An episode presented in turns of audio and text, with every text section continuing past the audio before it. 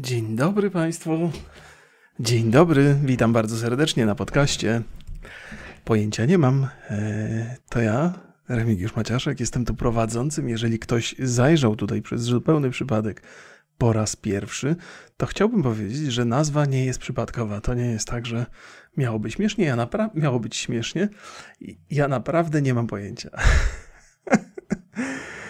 Co tam u Państwa słychać? U mnie jest bardzo sympatycznie, chociaż powiedziałbym, że pogoda się pogorszyła. Jest tak zimowo powoli. E, zimowo? Tak, takie jest mroźne powietrze. Jak wieczorem wychodzę gdzieś tam w okolicy 22, żeby się przebiec kawałeczek, nie za dużo, bo trzeba dbać o kolano, to już widzę mój oddech. W powietrzu już taka chmura się wydobywa. E, I mówię, och, panie kochany, a gdzie ta jesień? Czemu ona się po drodze nie przydarzyła? Czemu to już tak zaraz się chłodno robi? Już się zbiera szron na dachu samochodu. Mówię, no niemożliwe. Aż tak zimno to być nie może. I patrzę bliżej, no faktycznie, nie jest to szron, jest to wyłącznie para wodna. więc, więc jeszcze nie jest tak źle. Tak łagodnie, dobrze, dobrze żeśmy rozpoczęli dzisiejszą opowieść. Mam nadzieję, że tak. Wodę mam przygotowaną dzisiaj. W ogóle ostatnio mało kawy jakoś piję. Mm, może nie mam takiej potrzeby. Kawa mnie zawsze napełniała dodatkową energią, a dzisiaj nie potrzebuję. Mam dużo własnej energii. Produkuję jak mały piecyk. Na to wygląda. Cieplutko w nocy, rozgrzany jestem, nie marznę. Wszystkie do dobre rzeczy się dzieją. Dobre rzeczy się dzieją w moim życiu zdrowotnym.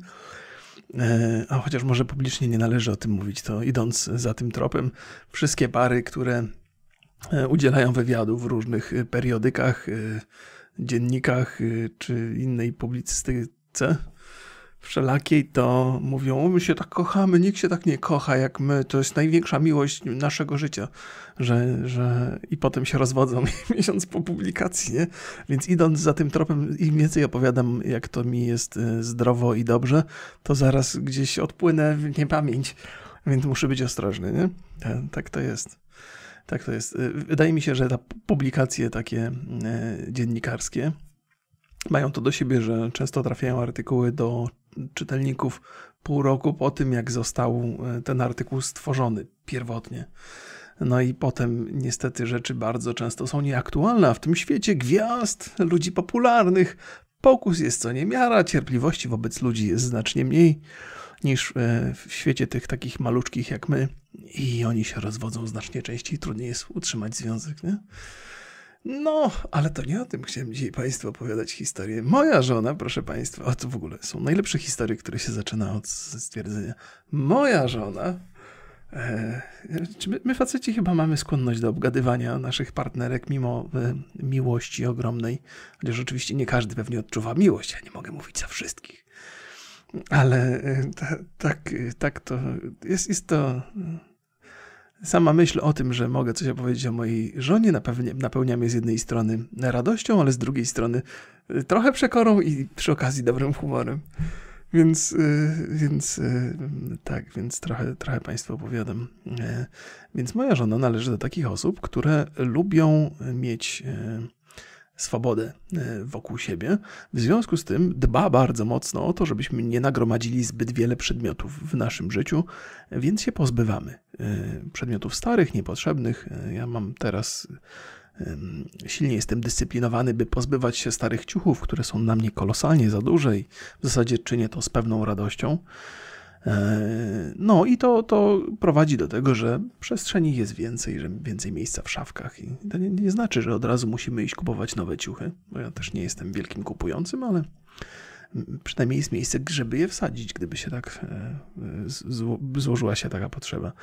Ale e, moja żona uznała, że dwie komody, które mamy w domu, wymagają pozbycia się, że one już są niepotrzebne, że pojawiła nam się córka i potrzebuje swojego pokoju, w którym byłoby więcej miejsca i nie ma sensu, żeby tam stała komoda. Ja się godzę z moją żoną, no faktycznie, skoro żeśmy się pozbyli ciuchów i ta komoda w zasadzie miałaby stać pusta, to pozbądźmy się jej. A to nie jest takie wyrzucanie rzeczy na śmietnik, tylko sprzedaż.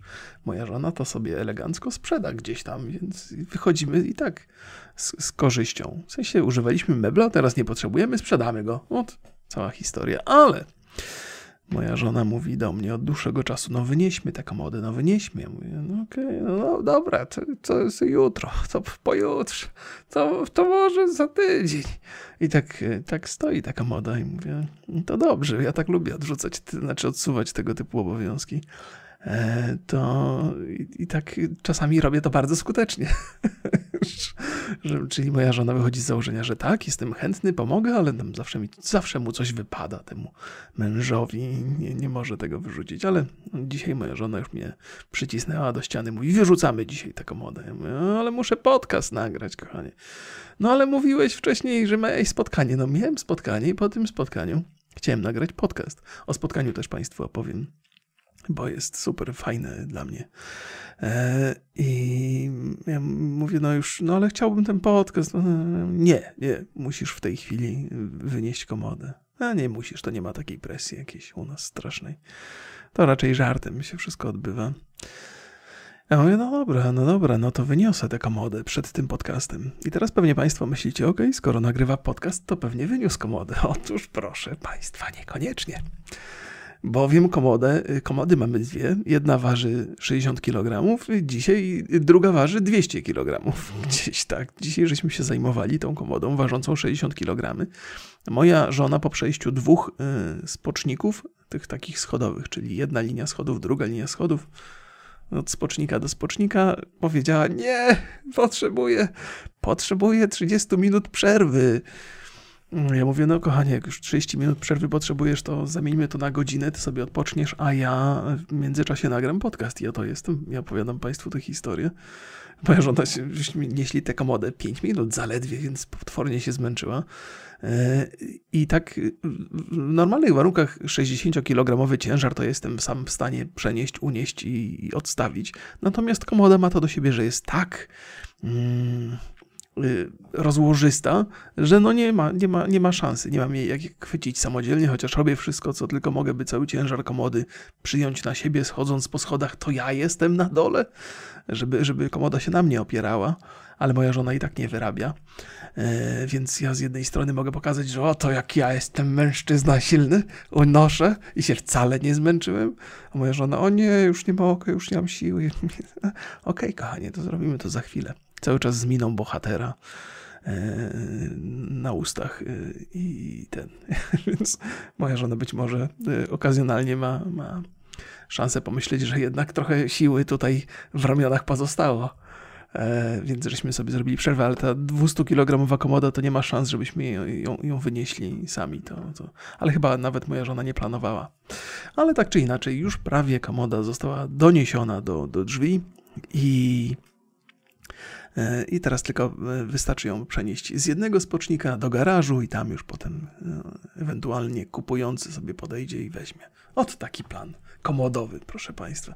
Ja mam dzisiaj dużo informacji. Wreszcie, wreszcie mogę pogadać o współpracy, nad którą pracujemy chyba z, z dwa miesiące z taką firmą, która się nazywa Rarecraft. Produkty nazywają się Rare, pisze się Rare, Craft i to są, i to są to są fajne historie. Ja powiem Państwu, ja pierwszy raz od długiego, długiego czasu mam taką współpracę. E, tego typu, do której bardzo mocno przykładam e, swoje łapy. E, ale jak to zacząć Wam tę opowieść, żeby ona była najciekawsza? W tym, w tym świecie takim influencerki takiej, ja zawsze z pewnym niesmakiem o tym mówię, bo nigdy się za influencera nie uważałem, nawet jak jeszcze to pojęcie nie funkcjonowało, to, a teraz zafunkcjonowało w niekoniecznie dobrym świetle ale z reguły 99% współprac, który, w których biorę udział, to są takie współprace, że jest klient, jest dom mediowy i jestem ja. No i w zasadzie nie mam żadnego kontaktu z klientem. Wszystko się załatwia przez dom mediowy. Nie wiadomo, jakie są potrzeby klienta. To wszystko jest werbalizowane przez, przez dom mediowy i, ja mam zawsze, mimo że współpracuję z bardzo dobrymi firmami, to mam zawsze takie poczucie, jak coś nie idzie na linii klient-reklamodawca, że że jest jakieś nieporozumienie, są jakieś rzeczy, których e, dom mediowy nie przekazuje, albo w drugą stronę. Wiecie, tam jest, zawsze jest taki głuchy telefon, jest taki mo moment zwątpienia, ale tak się przyjęło i się robi takie rzeczy i, i no cóż, no wzrusza się ramionami e, tylko, bo ja lubię mieć kontakt z ludźmi, z którymi, z którymi pracuję, bo, bo chcę zrozumieć, nie? Jak, co chcą uzyskać i tak dalej, i tak dalej. te domy mediowe no, muszą być, muszą być i też nie mogę mówić, że, o, że przeszkadzają czy coś. Bez nich to by się nie dało większości rzeczy zrobić, bo człowiekowi się nie chce aż tak bardzo angażować. Ale oto przytrafiła mi się współpraca, w którą chcę się bardzo mocno zaangażować, bo, bo jest super, więc spotkałem się z, z, z, chłopakami, którzy, którzy produkują kosmetyki dla mężczyzn. I obaj chłopaki mają brody i podchodzą do tego w taki Którzy by to ubrać w ładne słowo w taki, w taki męski, solidny sposób. Mają w sobie dużo entuzjazmu i mają już sukcesy gdzieś tam po drodze. To nie jest tak, że ja zabieram się do jakiegoś świeżego pomysłu, nie? I gadamy, gadamy o tej współpracy i mm, to jest tak, że wysłali mi jakąś tam porcję kosmetyków, żebym sobie je sprawdził. I i są dobre, naprawdę. W sensie takim, że no wiadomo, że ja współpracuję, więc muszę powiedzieć, nie? ale gdyby nie były dobre, to bym nie podjął tej współpracy w ogóle. Są dobre na tyle, że powiedziałem przy następnym spotkaniu z nimi, że słuchajcie, że ja nie chcę reklamować tylko tego, tylko chciałbym się zaangażować bliżej, nie? Co mogę zrobić i jak mogę zrobić, żeby trochę z tym produktem być bliżej, nie? Żeby to wszystko było takie bardziej osobiste, bo niewiele mam takich rzeczy, które mogę w 100% reklamować, a to jest takie bardzo, bardzo konkretne i, i właśnie nie chcę, żeby to była reklama, tylko żeby, żeby to była część tego, co, co ja robię, co, co, kim jestem, no. I, no, i, no, i, e, no i sobie gadamy i w ogóle super jest fajna atmosfera, czuć, że nadajemy na tych samych falach i ustalamy sobie różne pomysły. Mm, I ostatecznie dochodzimy do, do wniosku, że, że są jakieś kosmetyki i ja, jestem jak najbardziej, trzymam kciuki i jestem za nimi i mogę, mogę, mogę Państwu wskazywać te kosmetyki, natomiast, że fajnie by było, gdyby był mój produkt, mój własny, no więc od tam dwóch miesięcy dostaję produkty, plus dostaję takie próbki, takie, takie małe albo jakieś takie fioleczki z zapachami, tak wącham te zapachy i mówię, kurde, to jest super, tam to jest super, ale jak nie mam okazji tego, nie wiem, sprawdzić w mydle albo w jakimś. E, taki krem jest. E, och, jest, jest dużo różnych produktów. E, I, i do, jeżeli to jest nienamacalne, tylko w takiej postaci próbki, to ja nie mam na tyle e, nosa mocnego, żeby wiedzieć, co mi się podoba. Wszystko mi się podoba, nie? No, ale, ale dostawałem produkty i takie są tam, na przykład mydło koniakowe do brody albo e, jest taki, jest taki, to jest dezodorant, ale w kremie. Ja nie, nie wiem dokładnie, jak to musiałbym sobie tutaj przynieść, bo to jest coś, z czego korzystam i na początku nie wiedziałem w ogóle, co to jest. Że dezodoranty to są w sztywcie albo w sprayu ewentualnie, a to jest w kremie i to jest tak super, bo że tak fajnie pachnie, po drugie jest tak bardzo skuteczne. Ja się nie, nie mogłem się nadziwić. A przy okazji fakt, że to jest w takim, że to jest w kremie, to, to się kojarzy z taką surowością, że to jest nie tam jakieś takie kobiece kosmetyki w kulce, tylko że bierzesz tam na palec, powąchasz sobie tego kosmetyka i go wcierasz, tak.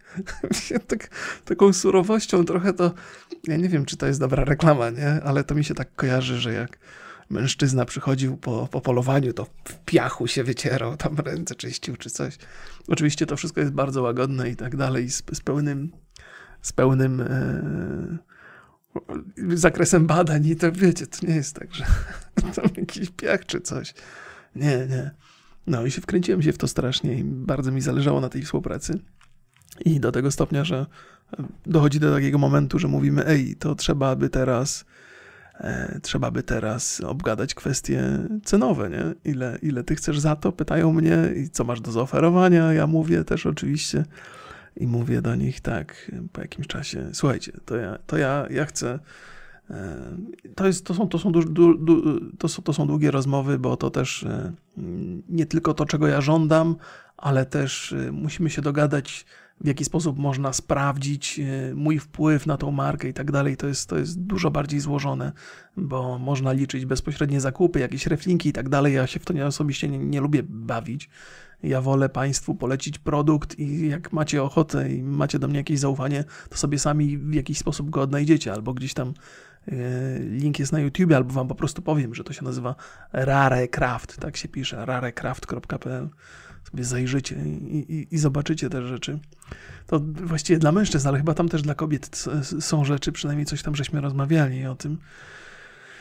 Eee, dobra, żeby nie było dziur w moich historii, nie? Więc, więc po takich wstępnych, wstępnych rozmowach mówię, mówię do was, do nich, ej słuchajcie, dobra, to moja stawka jest taka. I wiedziałem, to jest taka niska stawka, w której normalnie nie operuję w ramach e, jakiejkolwiek współpracy, natomiast bardzo mi zależy, bo czuję, że to jest taki produkt, przy którym, z którego się nie, mog, nie muszę wstydzić, z którym mogę być przez wiele lat. To jest w ogóle fajna, fajna sprawa, że, że jeżeli znajdziesz sobie takie coś, y, pod czym możesz się podpisać, to potem nie musisz szukać następnych produktów, następnych. Są ludzie z jednej strony, którzy mają do ciebie zaufanie, czyli tam widzowie, słuchacze, z drugiej strony e, firma, która ma do ciebie zaufanie, bo podchodzisz do tego na super serio, więc, więc chcesz w takim, w, takim, w takim czymś brać udział.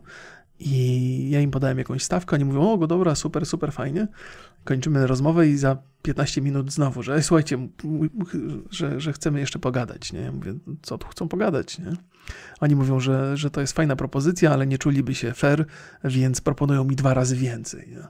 Ja mówię, o kurde, jakby na skutek tam różnych moich e, współprac, które z, z, z, reguły są super pozytywne, to, to nigdy mi się nie zdarzyła taka sytuacja, żebym ja zaproponował bardzo korzystną stawkę w ramach współpracy i żeby ktoś po chwili przyszedł e, i powiedział, że, że dziękuję, dziękuję ci za tą stawkę, ale uważam, że powinienem ci zapłacić dwa razy więcej, nie? Że, że twój udział i twoje zaangażowanie e, to, to, to, to, to wymaga z mojej strony jakby większego nakładu środków. Byłem, byłem zszokowany tym, ale myślę, że, że to, to jest też taki moment, że i oni, i ja, żeśmy poczuli, że możemy mieć wobec siebie zaufanie i że nam na tym bardzo zależy. I ostatecznie powiedziałem, no dobra, no to tam e, wy mi proponujecie, proponujecie tyle, ja chciałem tyle, no to ustawmy się gdzieś po środku, nie? Więc tam o 50% ostatecznie więcej żeśmy się dogadali. E, czyli mniej niż oni chcieli mi ostatecznie dać, więcej niż ja chciałem na początku i to taka jest e, też jakby po raz kolejny nietypowa rzecz. E, no, więc, więc mam nadzieję, że to, że, że, to przetrwa e, w takim stanie. No, pierwszy raz mi się zdarzyła taka, taka współpraca, żeby aż tak super pozytywnie do tego podchodzić. Ale myślę sobie, że oni mogą być pewni co do mnie, ja mogę być pewny co do nich i produkt przede wszystkim jest super. Jest, jest, jest, jest, jest, jest genialny, bo ja. Mm, to jest, to jest w ogóle też tak, że cała moja, całe moje podejście do, do, do higieny było zawsze przez całe życie super proste. To znaczy, jak byłem młodym chłopięciem, to mama mi kupowała kosmetyki. Jak byłem już starszym chłopięciem, to kosmetyki kupowała mi żona. Nigdy w to się jakoś specjalnie nie, nie angażowałem. Miałem wręcz takie poczucie, że jakby męska perspektywa jest taka, że że wiadomo, że trzeba dbać o higienę i że są kosmetyki, ale że udajemy, że ja nie mam nic z tym wspólnego. Tu mi coś żona dała, to stosuję, ale ja jestem prawdziwym facetem i ja to się spocę, to wtedy jest to, to co powinno być. Nie, nie, no tak. No ale tak się trochę udaje. Nie? To jest taki, taki, przynajmniej dla mężczyzn pewnie z mojego pokolenia jest takie, że, że się unika tych ale, ale zmieniłem swój punkt widzenia zupełnie, że te, te zapachy, które tam są, yy, to są takie Kurde, jak to, jak to, bo, bo to są takie zapachy, których trudno, tru, trudno opisać, bo jest, wspomniałem być może, że mój ulubiony teraz jest, to jest koniakowy, ale tam są jeszcze jakieś, muszę, muszę, nie jestem do końca pewny, czy, o proszę, tu mi się wyświetliły, to teraz mogę, jakieś takie, na przykład cytrynowe, nie? o koniakowe jest na pierwszym miejscu, tutaj super, super jest e, sprawa. E, ja wiem, że to brzmi jak, e, że, że to brzmi jak jakaś taka długa reklama, ale i to trochę jest, taka długa reklama, ale, ale to jest zupełnie inny rodzaj mojego podejścia do, do rzeczy, więc e, opowiadam to bardziej jako, jako historię. No więc to, to wszystko gdzieś tam się, o właśnie, peeling, szorstka cytryna, to jest w ogóle też super sprawa. E, no i ten, te całe, ja w ogóle mam mydło, tam stoi kostka mydła na, na szafce, ona ta, tak dobrze pachnie, ja, ja mam dostałem od nich dużo rzeczy do testowania. Mydła są zapakowane w, w, w takie papierowe opakowania. To wszystko jest super klimatyczne. Też takie, nie jest takie delikatne i łagodne, tylko jest takie ach, trochę, trochę. E, I. Mm, i mam w szafce takiej specjalnej. I w tej szafce tak pięknie pachnie teraz, jak za każdym razem, jak ją otwieram, to po prostu cudowne. Więc jedno mydło sobie to postawiłem i ono nie jest, to, to nie jest na tyle intensywny zapach, żeby mi w całym pokoju pachniało, ale sobie od czasu do czasu podchodzę tam i mówię, o kurde, z domą, mogę powiedzieć. E, no, no, więc, więc świetne rzeczy, naprawdę, naprawdę, naprawdę świetne rzeczy, więc no, jak jesteście facetem i chcecie jakby mieć swoje własne rzeczy, a nie te zaproponowane przez wasze żony i mamy, to, to, to polecam z czystym sumieniem. A jak jesteście, jak chcecie coś swojemu facetowi kupić takiego, żeby mu przypomnieć, że jest facetem, to, to, to też, też rarecraft.pl, rare, rare, rarecraft się pisze. Dobrze, dobrze przeliterował. Bo na Spotify'u nie mam Państwu jak linka wstawić, więc więc tak, więc faceci też będą zadowoleni, jak to dostaną od swojej kobiety takie, o kurde, będę to, dzisiaj będę leśniczym. czy coś. No. Dużo, dużo mam entuzjazmu e, w związku, w związku z tym i no, cieszę się, cieszę się, że to, że, że wreszcie mogę o tym opowiedzieć, bo tak żeśmy się tak zabierali do tego ostrożnie. No i ostatecznie, to ja też Państwu nie powiedziałem, że, że, że dzisiaj mogę mówić o tych wszystkich produktach, a przetestowałem ich mnóstwo w bardzo taki naturalny i organiczny sposób. E, no to za jakiś czas będę miał swój własny taki, taki produkt, bo tam jest dużo testowanych zapachów, więc będę miał do wypróbowania coś, co jeszcze nie jest totalnie dostępne i, e, i, i, i znajdę swój, swój taki ulubiony zapach i to będzie miało moje logo i w ogóle moją nazwę, jeszcze teraz Państwu nie zdradzę. A teraz jakby świeżą e, balsamy do brody oni wprowadzają, gdzieś mi powiedzieli, że w najbliższym czasie się pojawią, więc też będę, będę, będę zerkał uważnie. A właśnie, druidycka, druidycka, koniakowa, piwna, kwiat orientu, wyprawa Cortesa. To są linie e, Rarecraft. I moja jest koniakowa ulubiona, aż tak mi się spodobała strasznie, że aż powiedziałem, e, taki miałem pierwszej, pierwszej chwili miałem pomysł, że że tam mogłoby być moje logo e, na tym, ale też, też sam do tego wniosku doszedłem i oni też, że, że to już jest produkt znany i ktoś mógłby nawet pomyśleć, że e, ten sam produkt ktoś mu próbuje wcisnąć trochę pod innym, ze zmienionym logiem i że to mogłoby być odbierane przez niektórych klientów jako, jako jakiś taki, jakieś cwaniactwo. Nie? nie? jest w żadnym razie, ale to jesteśmy po dwakroć ostrożni tutaj, żeby ktoś tak nie pomyślał, bo to nie o to chodzi. Po prostu ten koniakowy super mi się podoba. Ale druickie w ogóle wszystkie są fajne. E, koniakowe poza tym to jest takie, e, to jest, z taką elegancją się trochę łączy. Ja tutaj mam z tyłu koniak i od czasu do czasu wieczorkiem sobie lampkę koniaku wypijam. To jest inny zapach, bo to, to nie jest tak, że się umyjesz mydłem i pachniesz e, tym, tym koniakiem z butelki. Nie, nie, to jest, to jest zapach, który się kojarzy w ten sposób, ale w żadnym, w żadnym razie nie, nie, nie przypomina alkoholu, nic z tych rzeczy. Tak, są, są dla kobiet też. No więc będę Państwa, będę Państwa informował na bieżąco i będę polecał często. E, będę bardzo często polecał te, te produkty. Tym bardziej, że się zbliżają, e, zbliżają się święta i prezenty i to jest drogie panie. Gwarantuję, panowie będą zadowoleni z tych rzeczy. Więc, więc proszę, proszę zerkać przyjaznym okiem. Chociaż to jest też tak, że Kupowanie komuś kosmetyków na święta to jest bardzo ryzykowne zajęcie, bo ktoś mógłby uznać, że to być może jest sugestia dotycząca jego higieny. Ale w tym przypadku e, to nie jest takie zwykłe mydło, które można kupić w supermarkecie czy coś. To jest, to jest takie. To jest takie mydło z tych mydeł, co. No, oczywiście dużo jest innych rzeczy, nie tylko nie wiem, czemu ja tak. E, czemu ja tych. O, to jest naturalny dezodorant w kremie. O tak to się nazywa. Dezodorant w kremie. I to jest też fantastyczna rzecz. No dobrze, czy ja już, czy ja na, na, pewno dobrze to zareklamowałem, nie chciałbym Państwa przemęczyć tym. E, myślę, że wyczuwacie Państwo mój entuzjazm e, tutaj e, i, i wystarczy chyba tych opowieści na ten temat. Ale będę do tego często wracał. Mam nadzieję, że Państwo nie poczują się zrażeni moimi opowieściami związanymi z tym.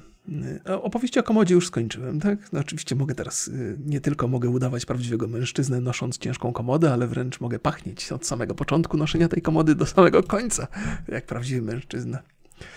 Yy, tak jest. Dobrze, zobaczymy co na świecie, zanim, zanim przejdziemy, bo jeszcze mam tu jakieś pomysły, żeby Państwu opowiadać. Gdzie jest mój notatnik? Tutaj. W ogóle miałem dzisiaj strasznie słabą noc.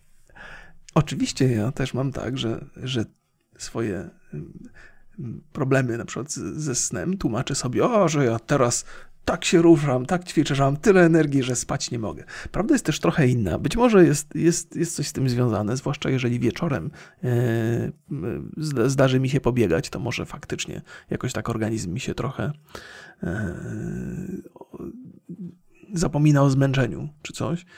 Natomiast nie, nie mam, nie mam problemu z zaśnięciem, natomiast zdarza mi się obudzić zbyt wcześnie. Dzisiaj w nocy się obudziłem o trzeciej i nie mogłem zasnąć. I robiłem wszystko, żeby się zmęczyć. Nie?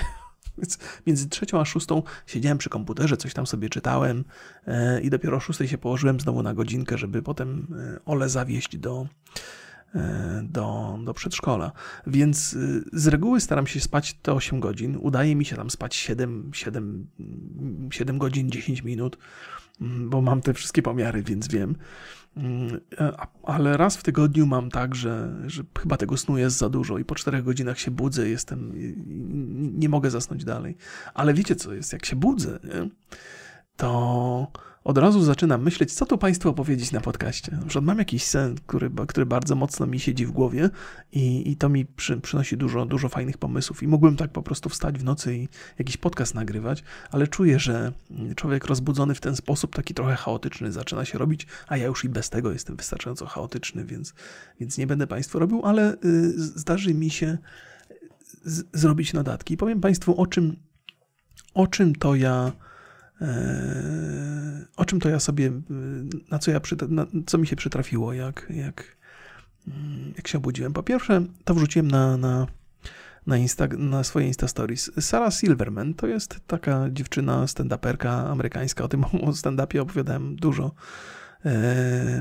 Ona raczej uchodzi za taką lewicową, mocną, yy, znaczy przedstawicielkę tej lewicy, niektórzy pewnie by ją jakąś skrajność oskarżali. Mi, nie wydaje mi się, żeby to była racja, ale wiecie, jak to łatwo kogoś o skrajność oskarżyć, nie? Wystarczy, żeby myślał trochę inaczej, ale to jakby nie oceniam ją na dłuższą metę, natomiast yy, ona ma taki podcast, że trochę w, w takiej, w, w, ramach takiego sprzężenia zwrotnego z, ze swoimi widzami, że oni dzwonią do niej, opowiadają jakąś historię. I ona odpowiada na tą historię. I odpowiada w sposób rozsądny i taki wyważony. Opowiadała, więc możecie sobie to na Instagramie sprawdzić u mnie jeszcze przez jakiś czas. Natomiast e, opowiadała, dzwoniła do niej, do niej, do niej słuchaczka i opowiadała, że była tutaj w Polsce, w Auschwitz. I mm, to była w ogóle taka, bo, bo, to są Amerykanie żydowskiego pochodzenia, to bardzo taka sentymentalna, trochę wycieńczająca też wizyta. E, tam no, dużo potworności się wydarzyło, to nie trzeba nikomu opowiadać. No i ta Polka, która, która prowadziła tę wycieczkę, na końcu powiedziała, że, że musimy pilnować, żeby takie rzeczy się więcej nie powtórzyły i że musimy być, i tu parafrazuję pewnie w sposób niedoskonały, E, zasugerowała, że dzisiejsze, że rząd, który dzisiaj nakłania ludzi do tego, żeby się szczepili, i przypomina tych nazistów, którzy mordowali Żydów e, w, w czasie II wojny światowej. I to jest, to jest dosyć kontrowersyjna myśl, nie? W sensie, e, no, myślę, że nawet jeżeli jesteś przeciwko szczepieniom, no to nie narzucał, znaczy, nawet jeżeli jesteś przeciwko szczepieniom i masz pretensje do rządu, że robi coś takiego, to chyba masz jednak poczucie pewne, że, że no jest chyba trochę, jest jakaś różnica między mordowaniem ludzi masowo, a nakłanianiem ich do szczepień. Nawet nie zmuszaniem, na razie nakłanianiem. Nie? E, więc powiedziałbym, że, że, że trochę ta pani y, Polka przesadziła z tą opowieścią w Auschwitz, ale zaskoczyła mnie, zaskoczyła mnie, mnie odpowiedź y, Sary y, Silverman, ponieważ jako wydawało mi się, że ona też powie, że to, bo ona jest proszczepieniowa, nie? wszystko było jasne. I powiedziała, no, to, że to jest ciekawe, że z naszej perspektywy, czyli osób, które lubią się szczepić, ci, którzy nie chcą tego robić, są e, zwolennikami teorii spiskowej, nie? że to jest teoria spiskowa, że tam tymi szczepionkami ktoś nas chce tam e, wytruć albo ograniczyć naszą e, płodność. Tam dużo jest pewnie różnych analiz, a główna jest taka, że, że to jest niesprawdzone i może mieć negatywne skutki. Nie? To jest taki dosyć łagodna, powiedzmy, pośród tych różnych teorii, ale przez osoby, które się szczepią, z reguły to, to jest uznawane za teorię spiskową.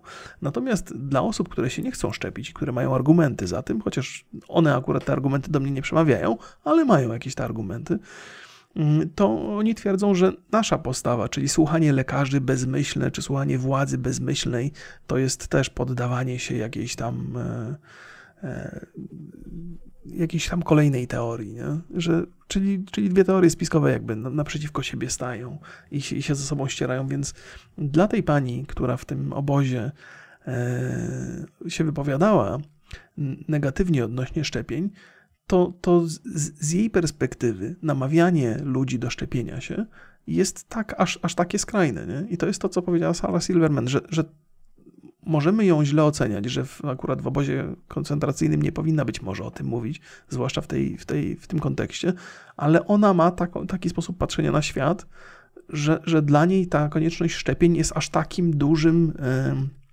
że, że ma aż takie duże znaczenie, że może być tak znaczące, jak, jak, jak jak e, mordowanie ludzi w, w obozach koncentracyjnych. Nie? I teoretycznie ma do tego prawo. Mogłaby, to, to, jest jej osobista opinia. Wydaje mi się, że mogłaby ją zachować dla siebie, jakby niezależnie od tego, czy, jak, jaka ta opinia jest. Nie? Ale, ale no ma do niej prawo i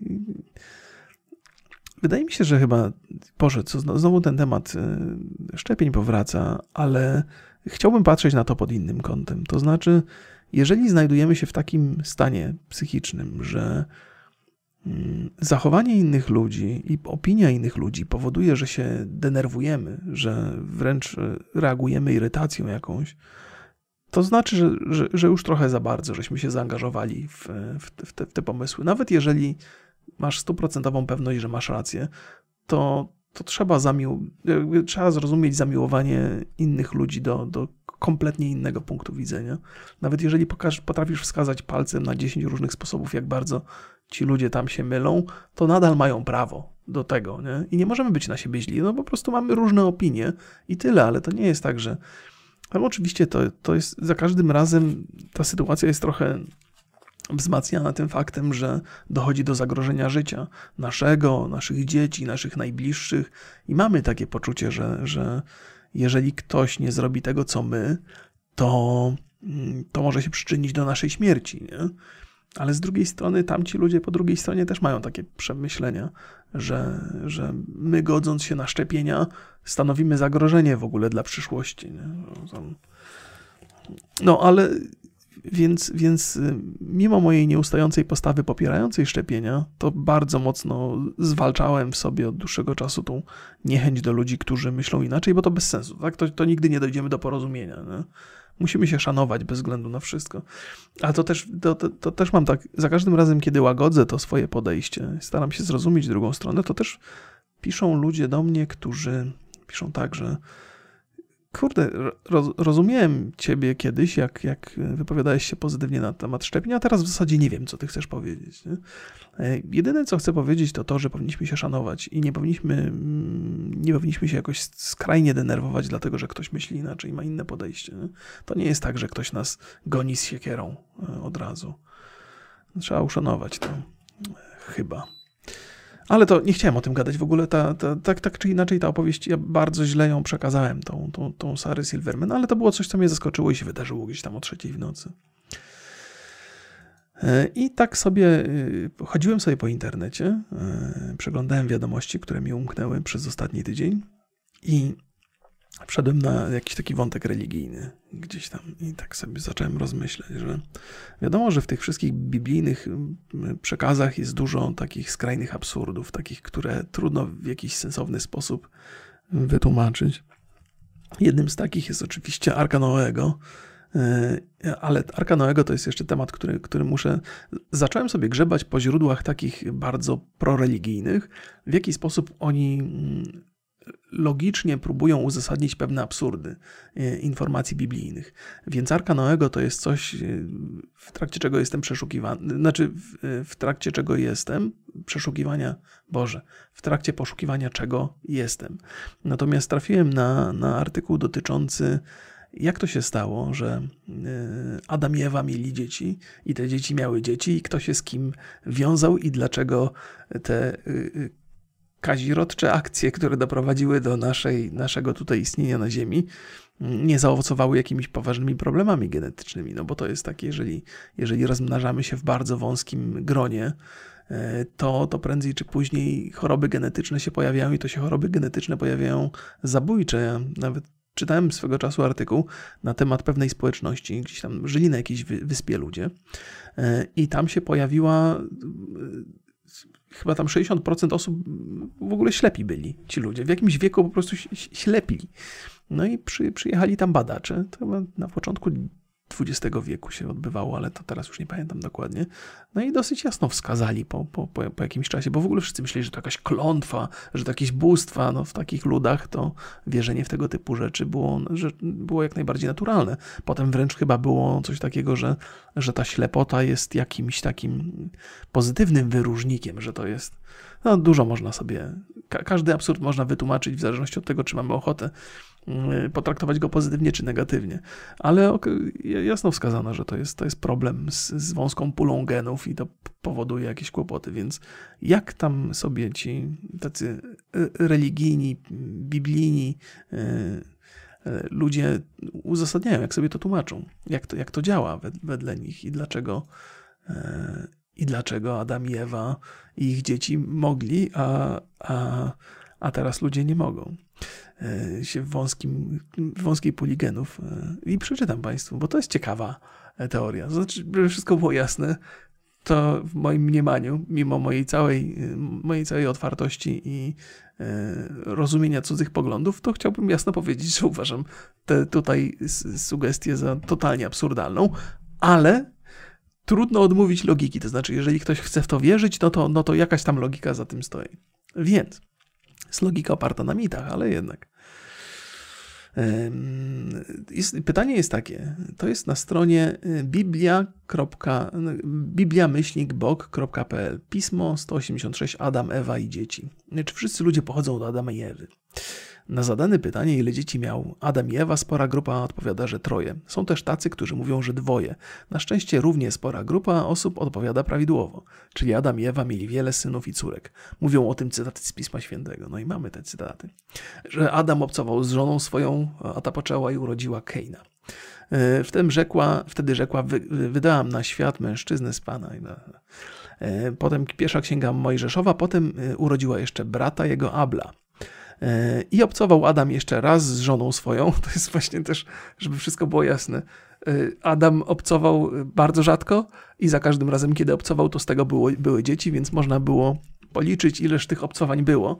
I to jest jasna wskazówka tutaj, żebyśmy nasze obcowanie ograniczyli tylko do potomstwa, bo obcowanie poza posiadaniem potomstwa jest niewłaściwą rzeczą i to i te cytaty to potwierdzają. No więc no, parę jeszcze razy zaobcował i, i, urodził się kolejny syn, który miał na imię Set, a potem jeszcze 800 lat żyli i obcowali okazjonalnie i mieli dużo synów i córki. Nie? E, myślicie Państwo, 800 lat to chyba się nie trzyma kupy. To jest ten początek tej historii, gdzie się zaczyna e, logika wy, wywracać.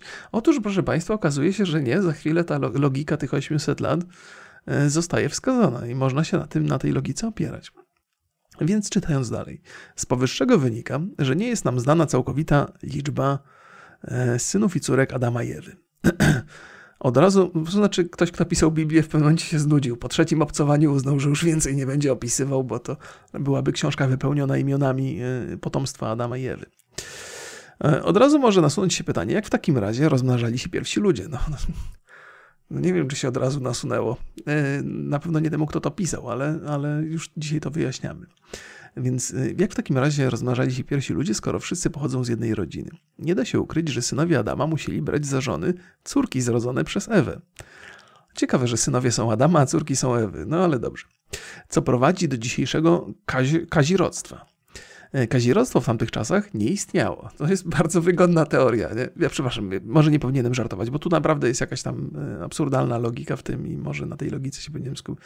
No więc e, kazirodztwo w tamtych czasach nie istniało. Adam i Ewa byli fizycznym ideałem człowieka. Wyszli z ręki samego Boga. Nie posiadali wad genetycznych, które przechodziłyby na następne pokolenie. Więc to jest pierwsza, pierwsza, pierwsza logika, do której trudno się przyczepić, bo to już jest pewien dogmat, nie? że oni wychodzili od Boga, więc byli bez, bez, e, bez wad e, zupełnie, więc mogli te geny dosyć łagodnie przekazywać. Nie było obawy, że, że ta pula, którą posiadają, będzie sobie szkodziła nawzajem. E, I teraz uwaga, jest następny punkt. Świat, w którym wówczas żyli, był diametralnie inny od tego, który znamy teraz. Ziemię otaczał wówczas płaszcz wodny, coś na wzór pierścieni Saturna, Jowisza, Uranu czy Neptuna. Płaszcz wodny otaczał Ziemię. E, Więcej o tym w artykule Stworzenie świata i tak dalej. Co zwiększało zdrowotność i żywotność istot żywych oraz świata roślin. Więc mamy drugi dogmat, który jest trochę niepodważalny. Znaczy, może, ty możesz powiedzieć, nie, no niemożliwe, a ktoś ci powie, jak to niemożliwe? Tak było. I koniec jest tej dyskusji. E, więc mamy tak, że, że Adam i Ewa pochodzili od Boga, więc kazirodztwo nie istniało, bo mogli tam, ich dzieci też były bardzo genetycznie czyste. Tylko problem polega na tym, że kazirodztwo to nie jest tylko e, kwestia e, mierzania się genów, ale kwestia jakby stosunków rodzinnych, że to nie dlatego nie przystoi, bo szkodzi puli genowej, tylko nie przystoi, bo jest to obrzydliwe. To znaczy relacje rodzinne są zbudowane na zupełnie innych zasadach niż relacje seksualne. To nie jest tak, znaczy co, byli pozbawieni wyobraźni w ogóle wtedy tej ludzie, ci ludzie, że, że nie potrafili no nie wiem, no dobrze, ale to też można pewnie jakoś logicznie uzasadnić. Można uzasadnić w ten sposób, że na skutek wielu lat rozwijania się kultury, to my dopiero teraz czujemy, że to jest obrzydliwe, ale kiedyś to było super spoko. Więc, więc tak. Więc mamy tą, mamy tą, tą wodną, e, wodną, jak to było tutaj? E, płaszcz wodny. Więc kazirodztwo zostało zakazane wiele lat po potopie, gdy warunki panujące na Ziemi przypominały te, które mamy obecnie. Więc kazirodztwo nie zostało zakazane dlatego, że jest to obrzydliwy proceder, tylko dlatego, że no już nie byliśmy tacy zdrowi. To jest jedyny powód wedle Biblii, albo wedle tutaj tych mm, biblijnych, ana, wedle tej analizy biblijnej. Eee, I w trzeciej księdze Mojżeszowej, rozdziale 18, możemy przeczytać o zakazie uprawiania stosunków seksualnych z rodzeństwem i tak dalej, i tak dalej. E, no i podejrzewam, że ten płaszcz wodny, co taki zapewniał nam zdrowie, to jest chyba z tego płaszczu wodnego. Muszę właśnie przebadać ten temat dokładnie, ale to z niego chyba się wydarzył potop. I w związku z tym, że wydarzył się potop, to żeśmy stracili, straciliśmy ten płaszcz i to same problemy powstały. Już nie byliśmy tacy zdrowi. I w związku z tym też nie żyjemy 800 lat, tylko znacznie krócej, bo płaszcz wodny i w ogóle.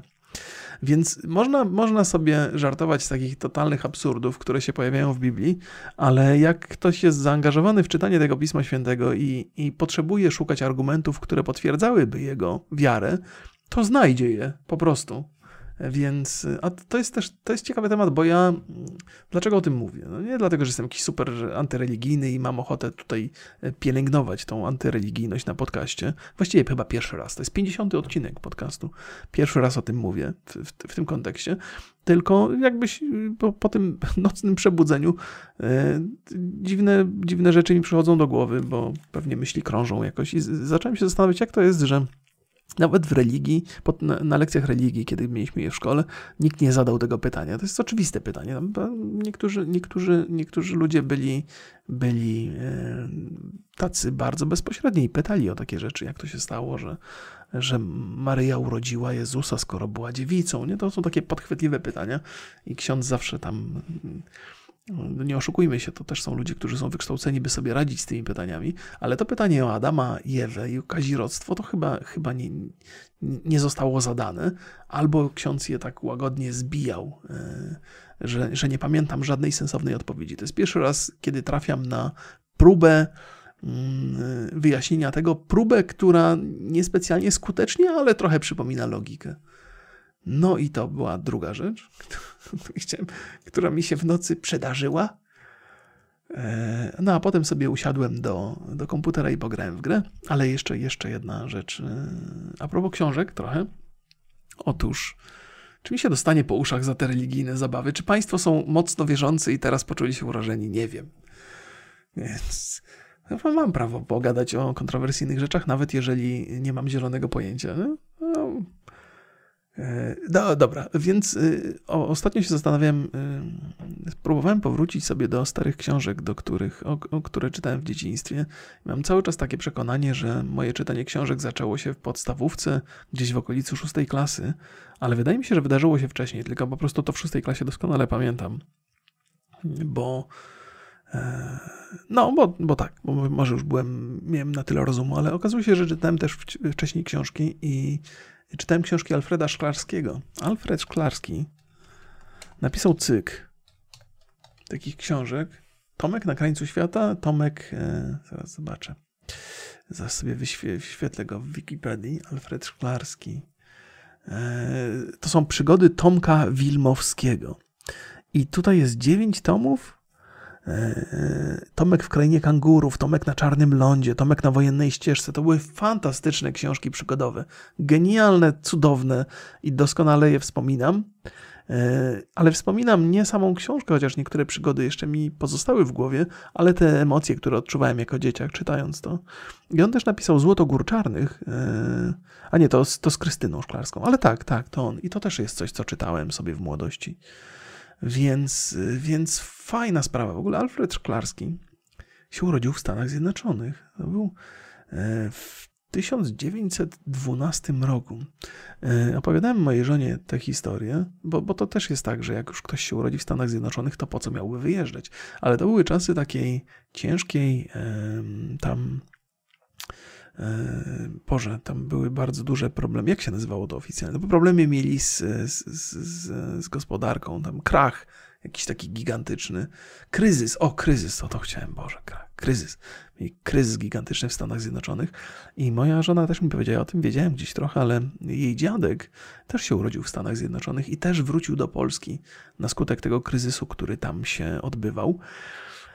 E, no i tak sobie myślę, okej, okay, no ci, którzy tam zostali i przetrwali, to chyba lepiej na tym wyszli niż ci, którzy wrócili. Znaczy, oczywiście patriotyzm, cieszymy się, że jesteśmy w tym kraju i bardzo dobrze.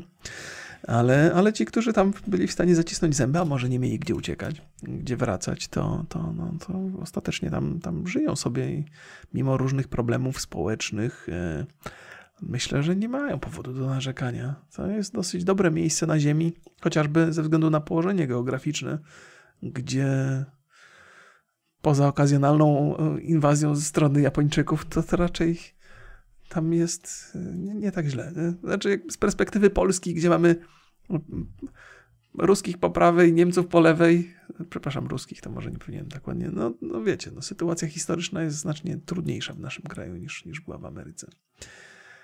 E, oni sobie mogą tam mieszkać i wy, wypuszczać wy, wy, wyprawy wojskowe w różne rejony świata. E, no, e, więc, a tak, ale no, Alfred Szklarski polecam, polecam gorąco. Ciekawy jestem, um, ciekawy jestem, czy mam duży problem, żeby namówić mojego syna do czytania, bo on już żyje w tej, w tej erze elektroniki bardzo mocno i wiem, że ciężko się przerzucić z, z tej całej atrakcyjności internetu na, na książkę i bardzo sobie um, bardzo sobie pluję w brodę, że nie udało mi się mojego syna zaangażować w czytanie książek, ale nie wiem, co więcej mogłem zrobić, bo po pierwsze, e, on widział, że ja bardzo dużo czytam. To był jeszcze taki czas, że on mnie non-stop mnie widział z książką. Czasami czekałem, żeby on zasnął i czytałem sobie książkę, albo czytałem jemu książki też. E, przeczytaliśmy całą encyklopedię Star Wars. Może nie do końca jest to dobry dobór e, literatury dla mojego syna, ale ale, mm, ale czytaliśmy każdego wieczoru przed snem, żeśmy sobie wybierali jedną stronę i czytałem mu ją od początku do końca, plus opowiadałem jakieś różne historie, które mi się przydarzy, przypomniały z filmów. E, czytałem mu bajki oczywiście, jakby mały gdzieś tam szedł, szedł do kąpieli, to on się kąpał, a ja, ja czytałem mu jakąś bajkę. E, to akurat chyba za każdym razem on chciał o trzech świnkach i moja córka też uwielbia o trzech świnkach i też jej czytałem tyle, że już tę bajkę na pamięć znam. Chociaż moja córka też uwielbia czerwonego kapturka, za czym mój syn nie przepadał za bardzo. Więc, więc no ta książka, moja żona non-stop czytała książki i teraz czyta w wersji elektronicznej, więc może już nie daje to takiego książkowego mm, poczucia, nie? E, ale, ale no chyba, chyba zrobiłem wszystko, co mogłem. Nie? No, no tutaj trudno powiedzieć, ale z drugiej strony on ma teraz 13 lat. Ja zacząłem tak na poważnie czytać książki w szóstej klasie, czyli w wieku 14 lat, więc jeszcze wszystko przed nim. Ale już tak sobie myślę, no jak on nie będzie czytał książek, to może moja córa, chociaż i moja córa też takie wykazuje zainteresowanie książkami, gdzieś tam lubi sobie usiąść, tam przewracać stronę i coś tam udawać, że czyta, więc może, może w niej się zrodzi ta potrzeba bo to byłoby mi żal, gdyby moje dzieci nie lubiły czytać książek. E, żal byłoby mi bardzo. I ten, i, i, i, no właśnie jeszcze też Harry'ego Pottera e, próbowałem mojemu synowi czytać, ale też, też to nie weszło. E, I teraz to już za późno, ale właśnie może, może przygody Tomka mu podrzucić, bo czas, czasu do czasu coś tam w, w, szkole dają mu do przeczytania i coś, coś mu się spodoba, coś go, coś go wciągnie, ale, ale rzadko to się zdarza. No, e, do mnie pisze. Gillian do mnie pisze tak. Hej, hej. Chciałabym ci podziękować za to, że w ostatnim podcaście nie wyciąłeś momentu, kiedy weszła do pokoju twoja córka. Mega rozczulił mnie ten moment. Ola jest mega słodka. To prawda, moja córka to jest po prostu sama słodycz. Ja nie mogę w to uwierzyć. Muszę przyznać też, że, że, e, że Ola ma że z, o Jezu, jak to powiedzieć? Czasami ktoś mi zwraca uwagę, czasami nawet moi rodzice mówią, że, że ja do mojej córki mam stosunek e, dużo nie wiem, bliższy niż do mojego syna, albo niż miałem do mojego syna. To, to jest chyba nie do końca prawda. Po pierwsze, mój syn jest synem i trochę inne relacje syna i ojca łączą i syna, i, znaczy i ojca i córkę. To jest jakby pierwsza rzecz. Druga, druga rzecz, muszę przyznać, że kiedy Mikołaj był mały, to był moim pierwszym dzieckiem. Ja nie miałem zielonego pojęcia, co, e, co robić i jak robić. I byłem mega przewrażliwiony i o wszystko się bałem i o wszystko dbałem i zwracałem bardzo, bardzo bacznie uwagę i, i może byłem bardziej surowy na początku, e, ale to nie dlatego, że, że tam specjalnie, tylko to raczej z lęku i z obawy, że czy wszystko robię dobrze. No to nikt, nikt człowieka nie uczy, jak być e, dobrym ojcem, a przy okazji łagodnym ojcem, ale to też nie jest tak, żebym ja był jakimś e, super surowym. Surowszym pewnie byłem, ale też w życiu na dziecko ręki nie podniosłem i to, to się nigdy nie zmieni. Ale też, też wtedy, kiedy Mikołaj był mały, to ja bardzo mocno byłem zajęty pracą, bo, bo zaczynał się wtedy YouTube dla mnie. Ja czułem, że to jest szansa jakaś ogromna, by robić w życiu to, co się lubi i że nie można zaniedbać tego i że trzeba pracować, że trzeba publikować dużo filmów, cały czas być przy tym, więc mój syn, mimo że był częścią, często się pojawiał na tych filmach i ja go nigdy nie wyrzucałem z tego, to jednak widział mnie bardziej, bardziej trochę z dystansu, mimo że byliśmy, by, by, był blisko. Natomiast e, dla mojej córki mam odrobinę więcej czasu, bo trochę zmieniłem swój system pracy, inaczej to robię. Jest więcej podcastów, jest więcej takiego przygotowania się poza siedzeniem przed kamerą, gdzie mogę być z dzieckiem, mogę być bliżej. I poza tym chyba to jest najważniejsze, to że tak się nie przejmuję bardzo, że nie boję się popełnić błędu, że, że to się nic nie dzieje, jak się dziecko rozpłacze. Nie, nie, nie, nie, nie trzeba się tym. No jakoś drugie dziecko człowiek tak podchodzi trochę luźniej, nie? No to jest jakaś tam wiedza taka i, i, i może, może, może teraz. No, poza tym, poza tym, ja myślę, że to jest takie przeświadczenie, które trochę może wynikać z lenistwa, trochę z takiego E, zapewnienia sobie dobrego samopoczucia, że jeżeli chodzi, o e, jeżeli chodzi o odpowiedzialność za wychowanie syna, to spoczywa ono bardzo mocno na barkach mężczyzny. Natomiast jeżeli chodzi o wychowanie córki, to może ono spoczywać na barkach e, żony. Natomiast zadaniem ojca jest tylko i wyłącznie pokazać dziecku, co to znaczy miłość, co to znaczy być kochanym, kochaną. Może się mylę. Wydaje mi się, że udział ojca w wychowaniu córki jest również bardzo ważny. E, więc e, znaczy, na pewno jest bardzo ważne, ale może mam takie poczucie, że mogę, mogę sobie bardziej pozwolić na to, żeby ją trochę rozpieszczać niż, niż, niż w przypadku mojego syna. Ale chyba myślę, że różnica polega przede wszystkim na tym, że dzisiaj mam więcej doświadczenia niż kiedyś i mogę patrzeć na pewne rzeczy luźniej. E, od czego ja zacząłem? Wiem, że to jest coś, o, o, czym pani Gillian mnie tu pyta, e, ale chyba wyprzedziłem temat, nie, nie rozwijając go we właściwą stronę, ale no tak pani pisze. Chciałbyś może opowiedzieć o tym, kiedy doszedłeś do momentu, że wiedziałeś, że chcesz założyć rodzinę. Eee, nie wiedziałem. W sensie takim, że to nie jest tak, że byłem z moją żoną przez jakiś czas i i mówiłem, o teraz, teraz, teraz. Nie? To znaczy, wiedzieliśmy skąd się biorą dzieci, żeby to tak łagodnie opowiedzieć. I uznaliśmy, że, że, yy, no, że nie ma się co przejmować, jeżeli się pojawią dzieci, to znaczy, że to jest naturalna kolej rzeczy. To nie jest tak, że mieliśmy omówienie, czy jesteśmy na pewno gotowi, czy, czy pracę mamy odpowiednią, czy, czy nastawienie mamy, mamy odpowiednie. Nie, uznaliśmy, że, że, że jakby życie tutaj zadecyduje y, o tym i, no i urodził się nasz syn. Moja żona, znaczy moja żona zaszła w ciąży, nasz, nasz syn się urodził i, i oczywiście nikt nie jest na to nigdy przygotowany. Jest przerażony tym wszystkim i przytłoczony bardzo mocno, ale też moi rodzice bardzo, bardzo nam pomogli, ultra nam pomogli. To jest po prostu niesamowite, jak bardzo pomogli nam moi rodzice i to też nie bez powodu Mikołaj jest z nimi niesamowicie mocno związany. To jest fantastyczna sprawa. Mam wrażenie czasami, że on jest bardziej związany z dziadkami niż, niż z nami, ale to też być może wynika z tego, że, że może człowiek źle odbiera sygnały, a może też jest tak, że moi rodzice już mają doświadczenia ze swoich dzieci, więc y, mają wobec mojego syna to, co ja mam wobec swojej córki, czyli pewien dystans. Y, ale cieszy mnie to niezmiernie, że Mikołaj, niezależnie od tego, to nie jest konkurencja, nie? Że o, jestem oburzony albo obrażony, że, że mój syn może być potencjalnie bardziej związany z dziadkami. Dziadkowie są od tego właśnie, żeby pokazywać dziecku, co to znaczy miłość, że, że, że się wybacza, że się jest łagodnym, że się tłumaczy, że się więcej przeżyło, więc cieszy mnie to tak naprawdę. To, to nie jest dla mnie żaden problem. E, no i potem, potem mm, też mieliśmy takie przekonanie z żoną, że to nie jest prosta sprawa, że to jest, e, że to jest cięż, ciężkie, ciężkie zadanie i też pojawiło się dużo konfliktów między nami, bo oboje byliśmy, to też, ja wiem, że czasami te wstępy do historii to takie zapowiadają jakiś kryzys małżeński czy coś. Nie, nie, mieliśmy bardzo dobre relacje z żoną.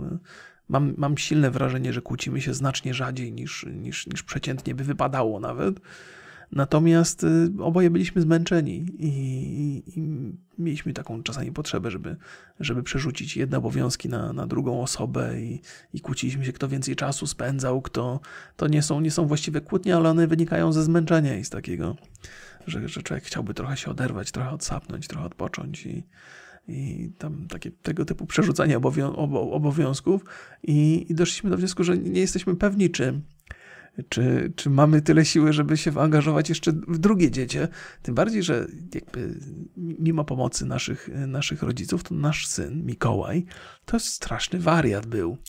E, I to, to on nie miał tak, że bardzo wcześnie wstawał, bardzo szybko zaczął chodzić, e, budził się w nocy, wydzierał się i w tym wydzieraniu się to nie był taki, to nie było takie, że on był smutny czy płakał, tylko on miał jakąś taką silną potrzebę, żeby ruszyć w świat. I ta potrzeba mu nie zniknęła, co było dla nas niezwykle męczące, bo po pierwsze byliśmy niewyspani, po drugie e, on, on szalał nieustająco. Znaczy, nie miał w ogóle do, do, późnego wieku, dla niego nie było problemem wyrwać się nam i pobiec gdzieś w, w siną dal. Moja żona któregoś razu poszła z nim na rowerek, więc ona. E, I on w połowie jazdy uznał, że już nie chce na tym rowerku jeździć, więc moja żona w jednej ręce niesie ten rower, drugą ręką go trzyma, idą przez ulicę i nagle on się wyrywa, nie? I moja żona upuszcza rower, dziecko gdzieś biegnie na ulicę i moja żona między wywalonym rowerem na środku drogi z dzieckiem uciekającym gdzieś tam, no musiała jego zgarnąć, musiała potem wrócić po ten rower. On już jest ciężki, wyrywa się, szaleje, nie chce być trzymany. Po prostu kompletne wariactwo kompletne wariactwo tam się odbywało i on tak o, straszliwie był żywiołowy, strasznie miał dużo energii. Dzisiaj jest łagodniejszy, dużo spokojniejszy, aż, aż wręcz tak e, zaskakująco spokojny, aż za poważny się wydaje. Ale jak był dzieciakiem, to dał nam naprawdę w kość. I ja i moja żona mamy takie poczucie, że, że nas, nas pogonił nieźle. Nie? Więc długo żeśmy się zastanawiali, czy chcemy mieć kolejne dziecko i w zasadzie żeśmy, żeśmy uznali, że nie, że jeden wystarczy egzemplarz, ale też żeśmy się niespecjalnie prze... jako że nadal wiemy skąd się biorą dzieci, e, no, nadal żeśmy się jakoś nie przejmowali. No i prędzej czy później musiała się przydarzyć druga ciąża i, no i urodziła nam się córka. E, I ona też nam daje popalić, e, ale, ale chyba mamy trochę lepszą kontrolę nad tym wszystkim. Poza tym, nawet jeżeli ona nam daje popalić, to jednak dziewczyna jest trochę chyba spokojniejsza od, od Mikołaja. Ola jest trochę spokojniejsza od Mikołaja.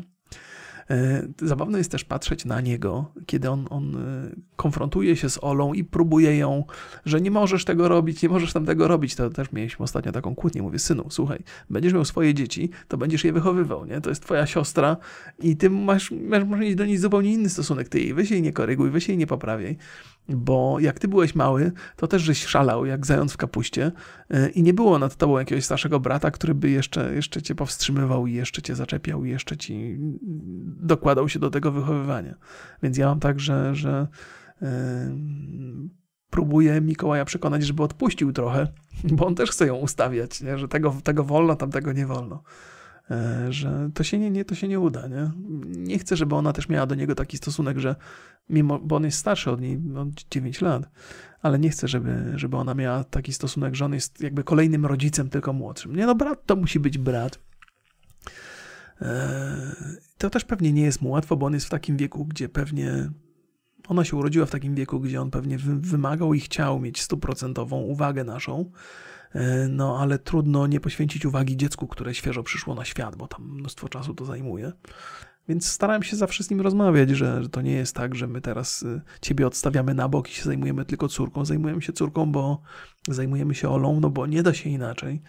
No ale on miał dziadków zawsze, on zawsze na wszystkie wakacje do dziadków jeździł, więc, y, więc ostatecznie jeżeli my żeśmy poświęcali mu mniej uwagi, no to miał dziadków, którzy mu poświęcali 100% uwagi. E, I, I tak się jakoś to układa i mam wrażenie, że się dobrze układa. Jak patrzę dzisiaj na swoje dzieci, e, to, to ze wszystkiego jestem zadowolony że oczywiście, że tam się pojawiają konflikty. Ja sobie też dużo czytam na temat tego, jak się dzieci rozwijają, dlaczego są, skąd się pojawia ten bunt nastolatka. Okazuje się, że jest to, że to nie jest, że to jest naukowo wyjaśnialne, że to chodzi o rozwój mózgu, że pewne reakcje i pewne zachowania są powtarzalne, że to jest, że trzeba to traktować jako coś, co musi się wydarzyć, bo to jest naturalny cykl rozwoju, że dziecko to nie jest mały dorosły, o tym trzeba zawsze pamiętać. Nawet ten 13-14-latek to też nie jest mniejszy dorosły, że pewne rzeczy w jego mózgu, które odpowiadają za kontrolowanie emocji, rozwijają się do 18 roku życia, czasami nawet dłużej trzeba mieć to na uwadze.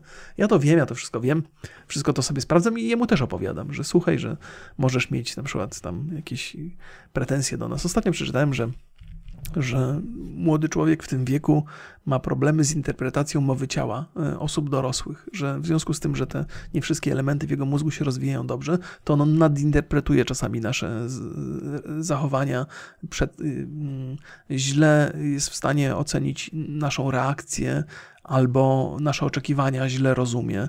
I, i mówię do niego tak, że, że słuchaj, po pierwsze, to, to może się zdarzyć tak, że jesteś nadmiernie zdenerwowany, ale to nie wynika z tego, że coś jest nie tak z twoim charakterem, to jest zupełnie naturalne. Po drugie, parę razy żeśmy się złapali, złapaliśmy się na tym, że on e, coś sobie z niego żartujemy, on to odbiera bardzo, bardzo mocno, jakbyśmy mu krzywdę robili albo mm, chcemy go pouczyć, ja, ja go chcę pouczyć na jakiś temat, on tak reaguje, jakbym bardzo, bardzo surowo się do niego zwracał. I dopiero po przesłuchaniu tego programu o tym rozwoju mózgu i o tym, że, że następuje pewne opóźnienie między zrozumieniem mowy ciała u osoby dorosłej, znaczy u, u młodego człowieka wobec osoby dorosłej, to zacząłem rozumieć, czemu on tak nadinterpretuje, że ja mówię, kurde, no jestem super łagodny, próbuję mu coś wytłumaczyć, a on taki sprawia wrażenie, jakby coś szokującego się wydarzyło. I teraz, teraz wiem, dlaczego tak jest. I też mu o tym opowiadam. Takimi, taki na chłopski rozum, tak zresztą Państwu opowiadam, bo to jest, nawet jak usłyszę coś mądrego, to potem trzeba by lata studiować, żeby powtórzyć to mądrze. Nie? To się, to się nie da, to nie, nie jest takie proste. E, więc... Łyczek wody.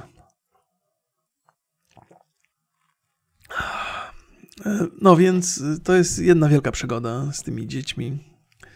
E, e, ale dobra, więc tak. Czy posiadanie dzieci zmieniło trochę małżeństwo diametralnie, czy tylko trochę? No na pewno diametralnie zmieniło. Ja i moja żona, żeśmy się bardzo mocno zmienili pod wpływem dzieci. Jest niezwykle trudno jest e, opisać człowiekowi, który nie ma dzieci, jak to jest i co to zmienia, ale zmienia no wszystko praktycznie. Gdzieś to jest taki moment, że przestajemy być dla siebie głównymi bohaterami naszego życia. I to jest z jednej strony to jest trochę zatrważające, ale z drugiej strony daje takie trochę poczucie swobody. Takiego, że, że, że okej, okay, że nie ma się co tak spinać za bardzo nad sobą, nie ma się tak pochy co pochylać nad sobą, że teraz ktoś jest inny, ważniejszy, a ty już no, jesteś jaki jesteś, no. I co, co? już nie musisz być lepszy. Że oczywiście zawsze warto, nie? Ale już tak, nie ma takiego poczucia takiej presji.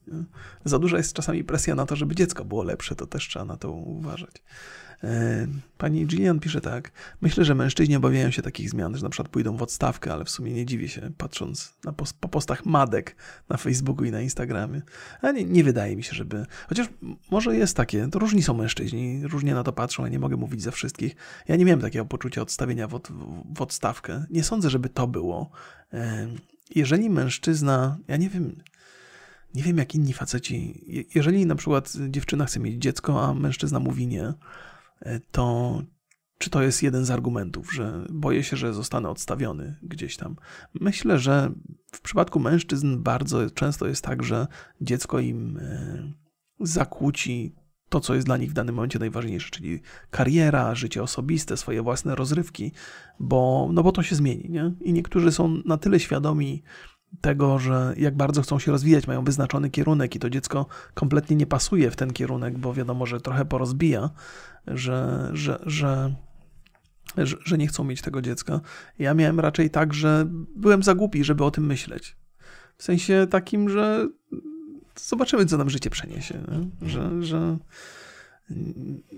nie, nie dałem sobie okazji nawet, żeby odczuć jakiś strach. Natomiast nie mam takiego wrażenia, że mężczyźni mogą się obawiać, że pójdą w odstawkę.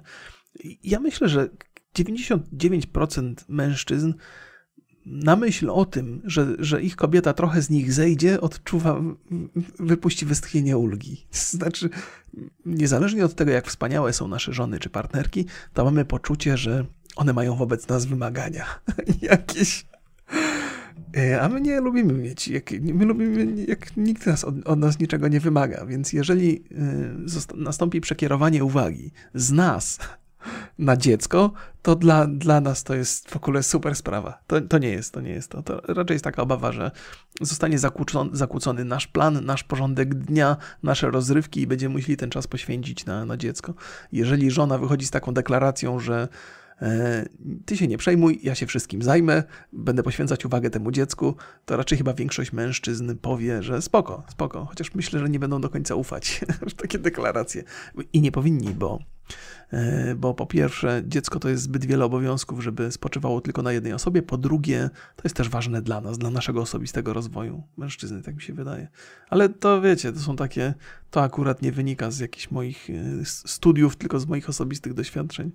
W ogóle też rzadko mi się, rzadko się mężczyznom e, zdarza gadać o tym, jak tam, e, co tam dzieci zmieniły w ich życiu. Myślę, że ciągle jesteśmy, przynajmniej to moje pokolenie, to jesteśmy tacy, że, e, że mężczyzna po pierwsze, ojciec gdzieś tam po drugie, więc między kumplami z tych starych lat to się nie gada o ojcostwie, gada się o męskości, w sensie niedosłownym, tylko o tym, o, o, tym, co mężczyzna robi, czyli jak tam w pracy, jakie osiągnięcia osobiste. Nie? E, dzisiaj ci ojcowie są bliżej, bliżej tych dzieci. E, myślę, że to dobrze, ale kto wie, czas pokaże. Nie? Czasami to, co jest dobre, ma potem negatywne konsekwencje, ale nie, jestem, jestem raczej przekonany, że warto być blisko dzieci i to jest, to jest bardzo znaczące. Yy, banał ogromny pewnie padnie z moich ust teraz. Natomiast nie zdawałem sobie sprawy, co to znaczy szczęście, dopóki, dopóki mi się dzieci nie urodziły.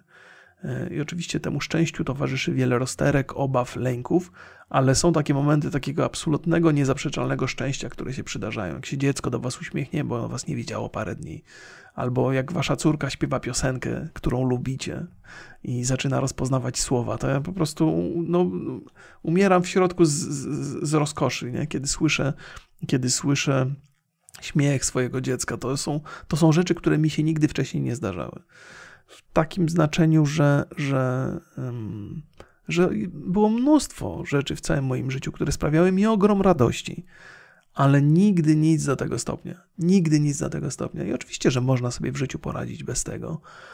I, ale to jest taki, taki, to jest tak jak. Hmm, hmm, że, że jak ktoś się urodzi e, ślepy, a ktoś ma wzrok, nie? I jeden i drugi funkcjonuje, ale funkcjonują w innych światach i ten, co tych kolorów i tego świata nie widział, e, ma poczucie straty, bo wie, że inni coś tam mają innego, ale to jest raczej takie poczucie, że, mm, że to jest coś innego, ale, ale nie, nie jesteś w stanie zrozumieć chyba tego. W sensie, no bo nie odczujesz. To są takie, no trzeba być w tych butach. Nie? No, ale też myślę sobie, że mm, czasami też ludzie nie są na to gotowi i prowadzi to do konfliktów. Wydaje mi się, jest, ta, jest taka teza, że ona chyba też przez Kościół była mocno promowana, że jeżeli w małżeństwie nie do końca się układa i potem pojawia się dziecko, to ci ludzie zaczynają się kochać bardziej, zaczynają być bliżej siebie. I pewnie zdarza się tak od czasu do czasu. Natomiast e, jeżeli między dwojgiem ludzi są konflikty, to mam takie poczucie, że dziecko, które się pojawi, jeszcze nasili te konflikty. Że to nie jest tak, że zapominamy o tej niechęci wobec siebie i skupiamy całą swoją miłość na dziecku, bo, bo, bo bardziej zaczynamy to, to, to, to co u nas było, że, że, że mamy potrzebę, żeby ktoś nas zastąpił w jakichś obowiązkach, a ta druga osoba nie może, jesteśmy źli na nią z tego powodu, a ta, ta druga osoba, przykład w takim klasycznym układzie, że mężczyzna przychodzi po 8 godzinach e, e, z pracy do domu, a żona mówi, no to teraz się zajmij dzieckiem. On mówi, nie, no jak, no przecież ledwo wszedłem do pracy, daj odpocząć, nie? ale jak się jest facetem takim jak ja, że się pracuje w domu i się doświadcza towarzystwa dzieci, to jakby gwarantuję wam, to nie jest tak, że ja tutaj się w jakiegoś feministę bawię, w żadnym razie. Ale 8 godzin spędzonych z dzieckiem nie ma żadnej pracy takiej. W sensie, no jakby też zależy od dziecka dużo. Nie? Zakładam, że są prace, które są niebezpieczne, że pracujesz w kopalni i jedziesz 8 godzin z kilofem nie? i przychodzisz do domu totalnie styrany i jakbyś miał do wyboru posiedzieć z dzieckiem 8 godzin, czy wracać tam z tym kilofem, to byś wybrał dziecko, ale, ale ale nawet co do tego mam wątpliwości, bo wydaje mi się, że to powinienem powiedzieć, nie? Bo żeby nie było, że ja uważam, że to jest najtrudniejsza praca na świecie.